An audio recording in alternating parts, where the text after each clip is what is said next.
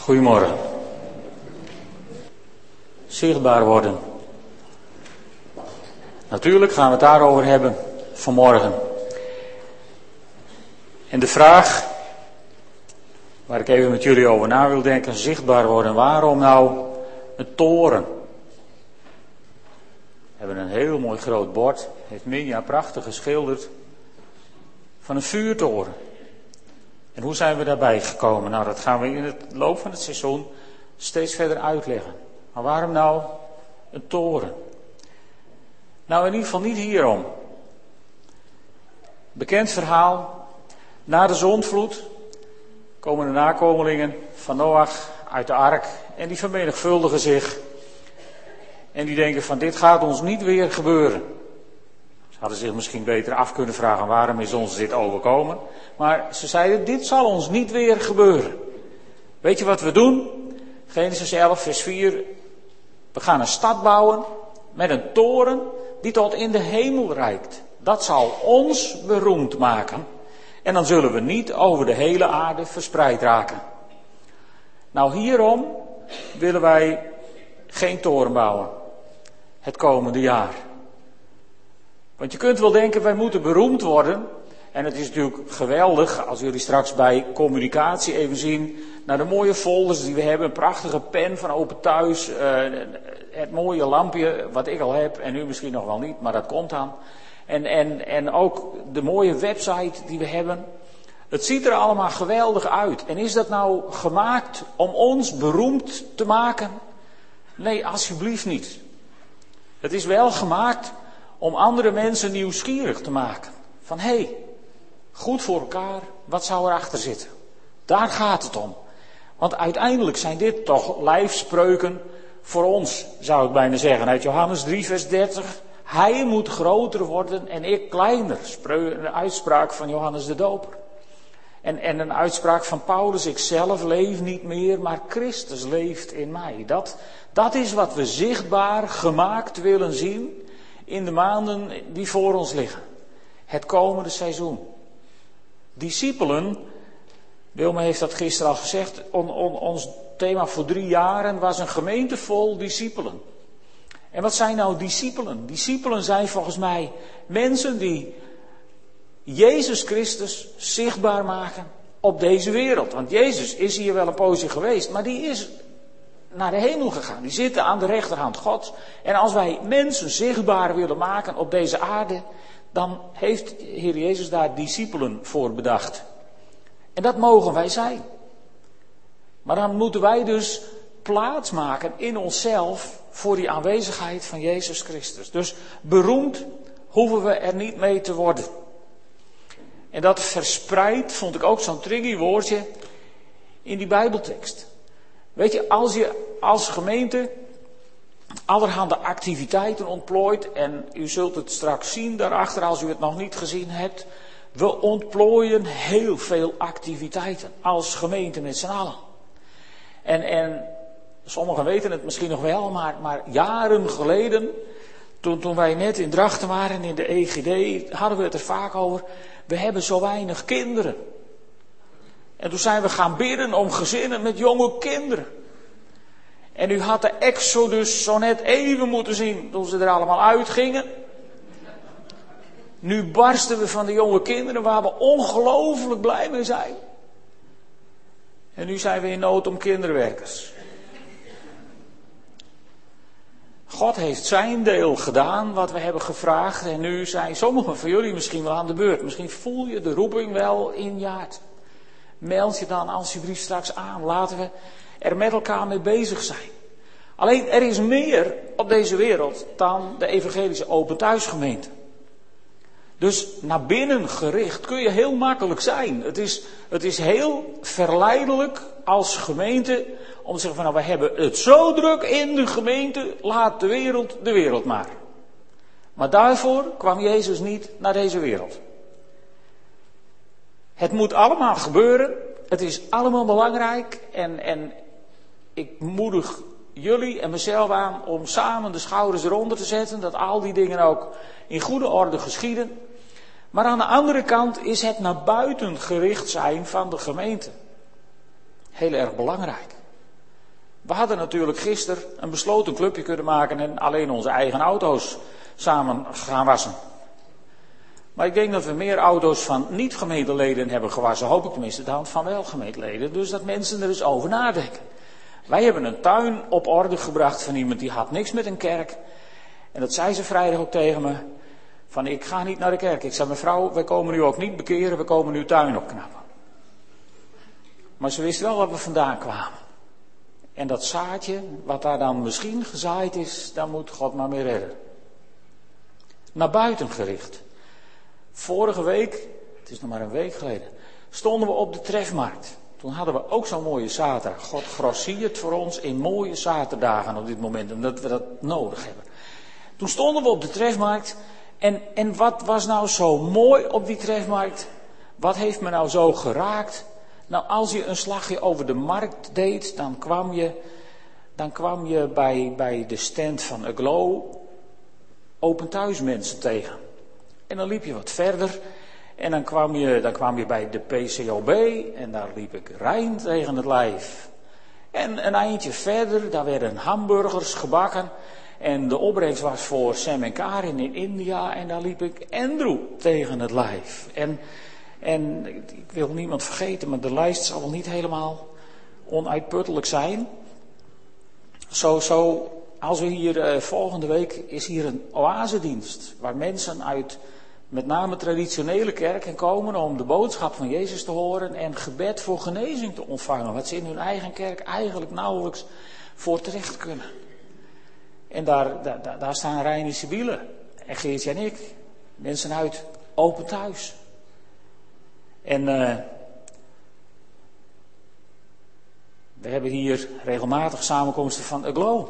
Waar Wilma de scepter zwaait en Wilma die gaat straks landelijk in het bestuur van Aglow iets doen. Dan zijn we haar misschien af en toe wel eens even kwijt. Maar wel bezig in het koninkrijk van God. En weet je, ik geniet er zo onuitsprekelijk van als ik zie dat gelovigen uit onze gemeente uitzwermen om in het koninkrijk van God te dienen. En ondertussen ook nog proberen om hier met elkaar de gemeente te runnen. Toen ik nog niet zo lang jeugdleider was in Zwaarwesteinde, toen zat ik op mijn studeerkamer, diep in het zelfmedelijden. Want het was een jaar waarin heel veel jongeren, jeugd, was uitgezworven.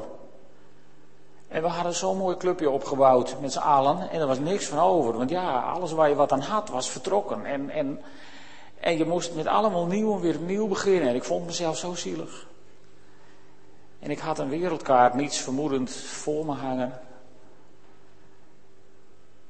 En toen sprak God in mijn hart en zei, zet nou eens, of een kaart van Nederland had ik, zet nou eens stipjes op de kaart waar ze zijn gebleven. En toen werd ik zo blij, want ze waren overal actief bij Jeugd met een Opdracht, bij Jong en Vrij, in gemeentes, bij Maasbach. Overal zaten ze. En, en toen heb ik geleerd van God waar het om gaat, om het koninkrijk. Niet om beroemd te worden, het gaat om het koninkrijk van God op deze wereld. En als je ja, misschien heb ik je wel vergeten. Ik weet dat er ook mensen bezig zijn bij Er is Hoop en bij Dorcas. En, en overal kom je bij Vrijheid en Herstel, overal kom je open thuisers tegen. En ik vind het geweldig. En, en eh, misschien zit je in je eigen dorp nog in een schoolbestuur of in andere dingen. Laat het koninkrijk van God zien. Vertel de mensen van je motivatie, waarom je de dingen doet die je doet. Zodat Jezus zichtbaar wordt. Daar gaat het om. Dus dat niet verspreid willen worden van die mensen in Babel. Ja, dat was God een doorn in het oog. En vervolgens kwamen ze allemaal vreemde talen leren, zodat ze elkaar niet meer verstonden. Ja, toen moesten ze wel alle kanten uit natuurlijk. Toen bleef er geen andere optie over. Nou, die dwang hebben wij volgens mij niet nodig. Waarom een toren? Ook niet hierom. Samuel, die zegt in 1 Samuel 2 vers 3, gebruik toch geen grote woorden. Blaas niet zo hoog van de toren. We bouwen geen minaret om hoog van de toren te blazen. Dat zijn we absoluut niet van plan. En, en dat gaat verder, want de Heer is een alwetende God en door Hem worden onze daden gewogen. Ook twee dingen waar ik even met jullie naar wil kijken. Niet zo hoog. Ik hoop dat jullie het kunnen zien. Lukt dat? Of moet het licht een beetje uit misschien? proberen het even zo. Wat je hier ziet, daar, dat is de vuurtoren van Cape Point. En Cape Point, dat ligt onder Kaapstad, Zuid-Afrika. Daar zijn we een keer geweest en dan zie je dit vuurtorentje staan. Dan sta je hoog op de berg en dan staat daar een vuurtorentje.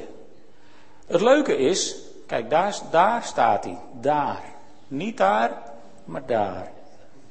En als je nou een eindje terugwandelt, hier zo langs, is een heel mooi wandelpad, daar zijn Geertje niet langs gewandeld, dan staat daar ook een vuurtoren. Die is veel ouder. En kort geleden hebben ze die nieuwe gebouwd daaronder. Weet je waarom? Vroeger hebben ze die vuurtoren gebouwd daar hoog op de rots. Zodat mensen hem tot op de Zuidpool misschien wel zouden kunnen zien. Het resultaat was dat die vuurtoren tien van de twaalf maanden van het jaar met de kop in de wolken stond. En er was geen hond die hem zag. Toen zijn ze afgedaald naar het niveau van de mensen.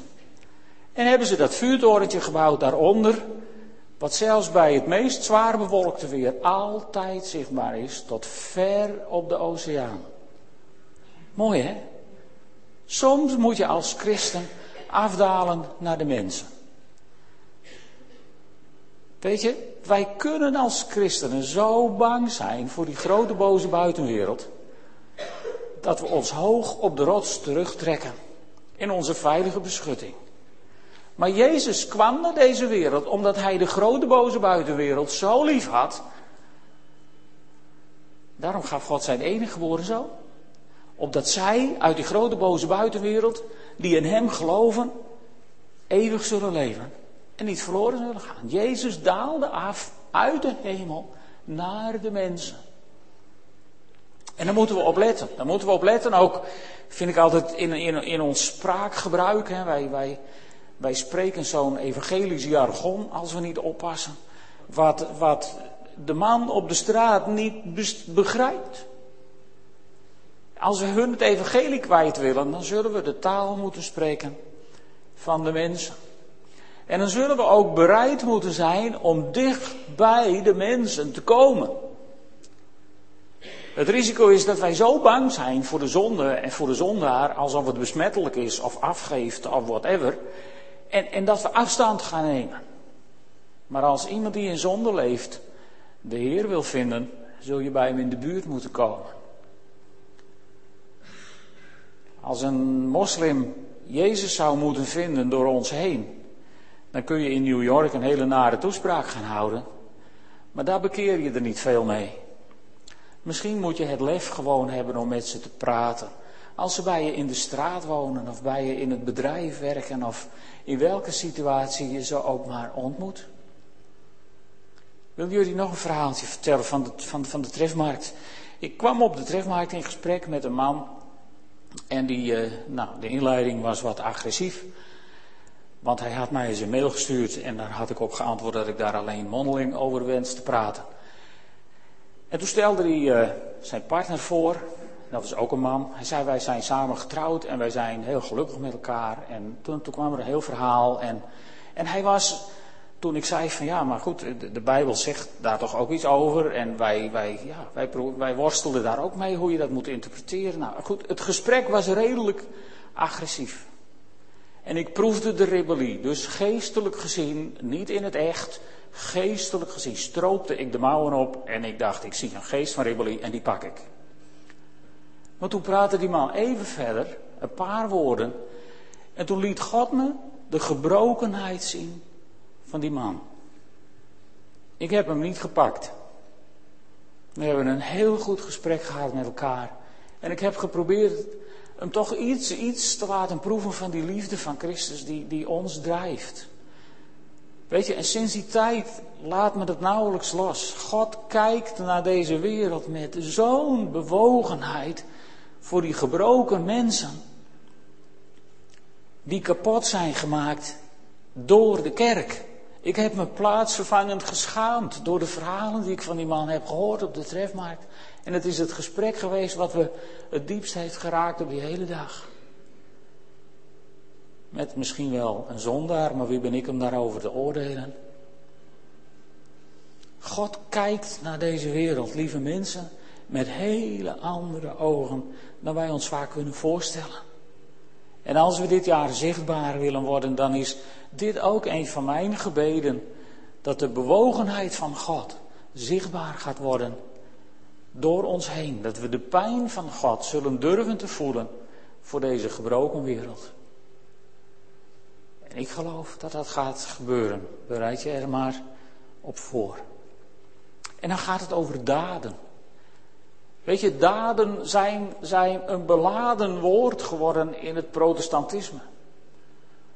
Want in de katholieke kerk, rond de tijd van de kerkhervorming, ging het alleen maar over daden. En de genade, ja, die was helemaal boven, hoog op die rots, die stond eeuwig in de wolken. En niemand zag hem. Toen hebben wij in het protestantisme de goede daden overboord gezet en met Luther gezegd: het is alleen maar genade.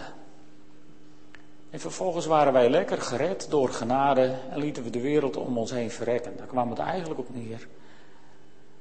Want genade was een redelijk intern gebeuren geworden in de kerk. Dan heb ik kort geleden die hele leuke DVD gekocht van Keith Green.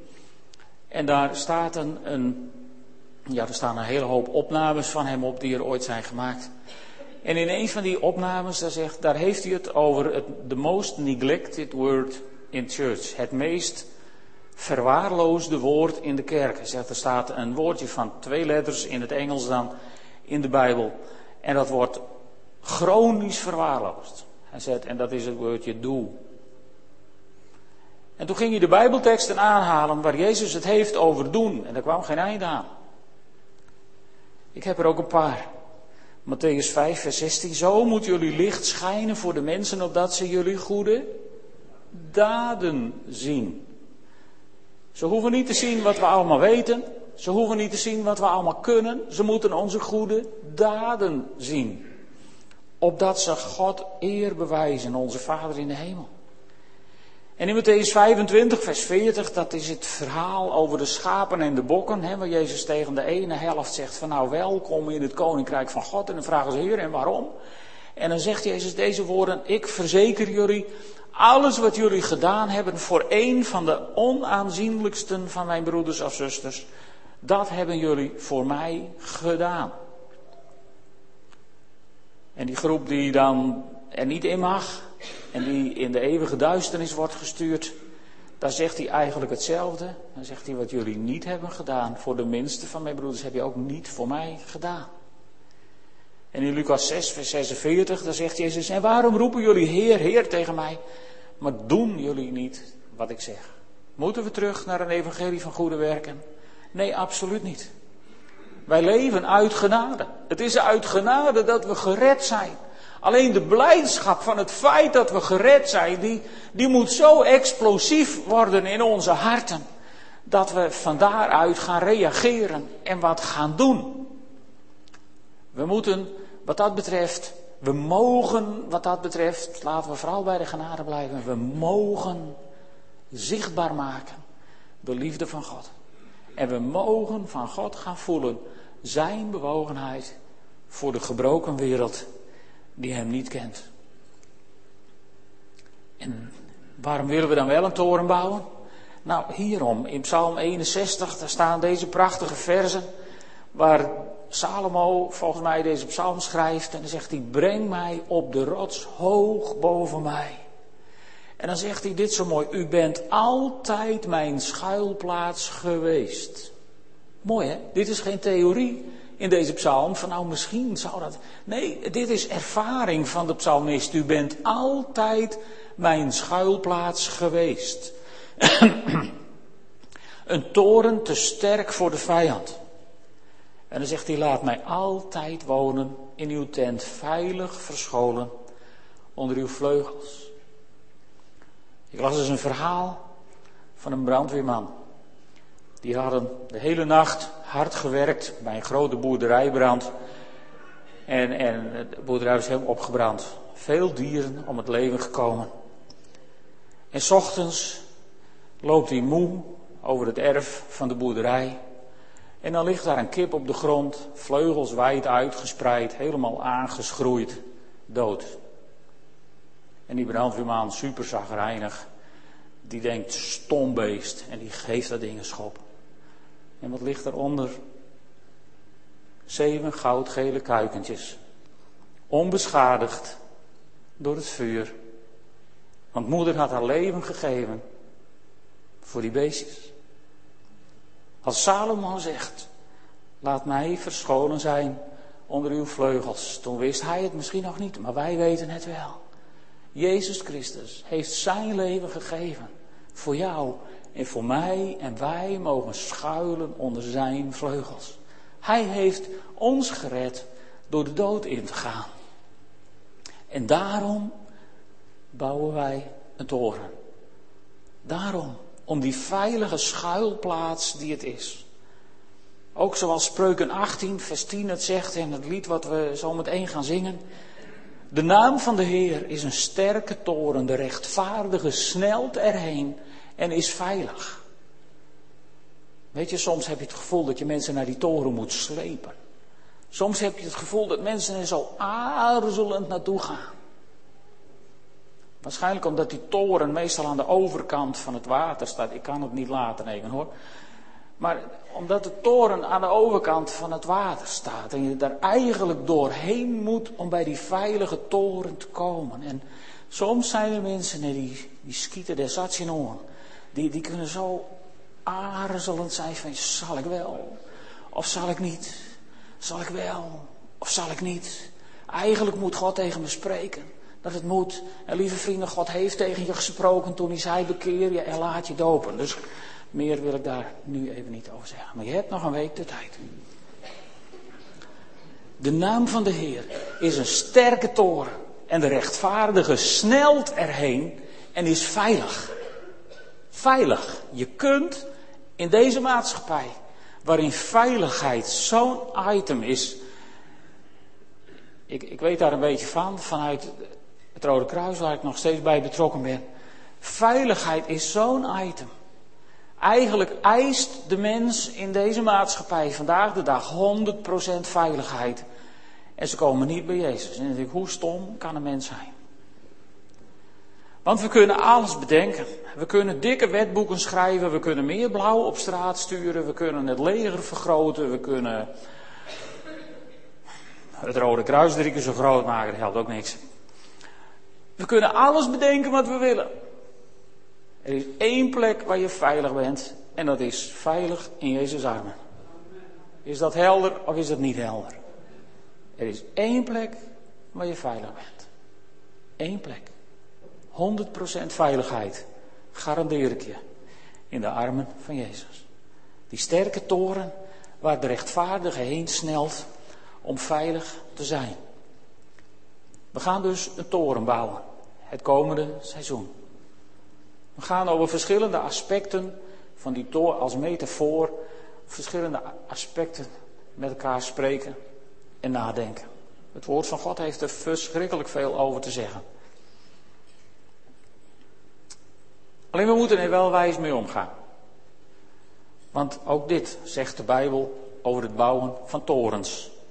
Als een van jullie een toren wil bouwen, wie gaat er niet eerst de kosten berekenen om te zien of hij wel genoeg heeft voor de bouw? Wil je wel? Dat is de vraag. Ben je genoeg bereid om samen die toren te bouwen? Een gemeente vol discipelen is niet vrijblijvend. Een gemeente vol discipelen betekent dat je zichtbaar durft te worden in de wereld. Wil je dat wel? Ben je er klaar voor? Misschien ben je het al lang. Laten we er wijs mee omgaan, zodat God de eer krijgt.